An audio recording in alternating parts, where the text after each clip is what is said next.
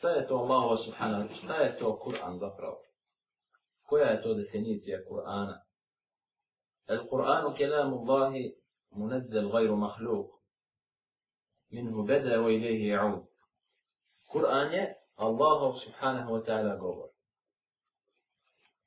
Spušten od Allaha subhanahu wa ta'ala nije stvoren, od njega potiče jer je iz njega izašao, on je lično subhanahu wa ta'ala njime progovorio i njemu će se vratiti. Dakle, Allah subhanahu wa ta'ala govor i riječima i harfovima i značenjima. Sve to potiče od Allaha subhanahu wa ta'ala. Spušten. Što znači da ga je Allah subhanahu wa ta'ala objavio iznad sedmog neba, iznad, iznad sedmog neba preko Melaka Džibriva spustio ga je Muhammedu sallallahu alaihi wa sallam i preko njega normalno cijelom čovječanstvu.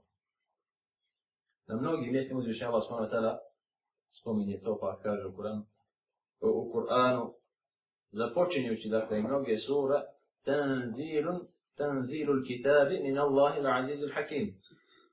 Objavljivanje ili spuštanje knjige od Allaha mudrog i silnog. Što ukazuje da je Kur'an dakle šta? Spušten od Allaha subhanahu wa ta'ala.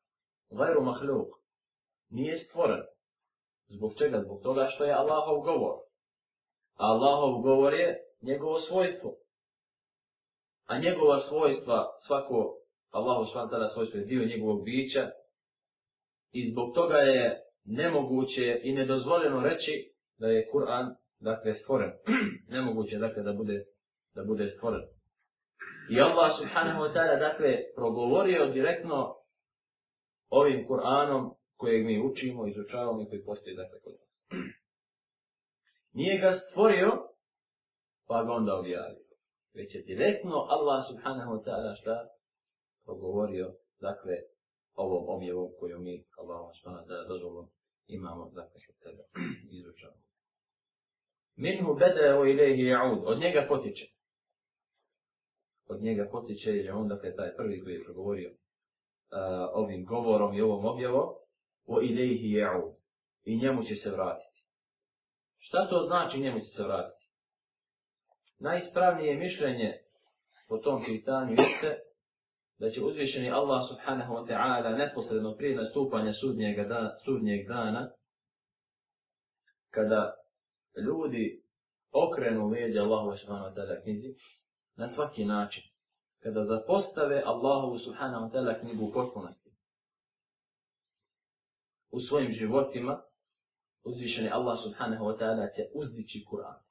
Kao što se prenosi u hadisima kod Ibni Mađeta i drugih, dakle, E, kod Ibn Mađa i drugih e, e, pisaca hadijskih zbirki, da će uzvišeni Allah subhanahu wa ta'ala za jednu noć uzdići svoju knjigu u sebi i ništa neće ostati od Kur'ana, niti na papiru, niti u prsima hadiza.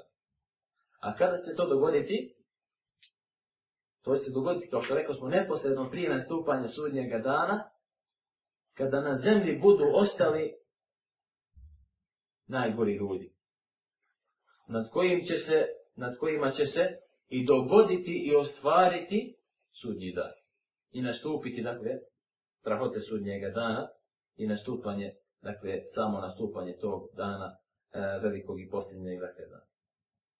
Šta to znači?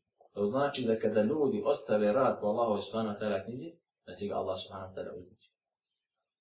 Jer je Allah svana tera objavio ovaj Kur'an la viscerà se radilo po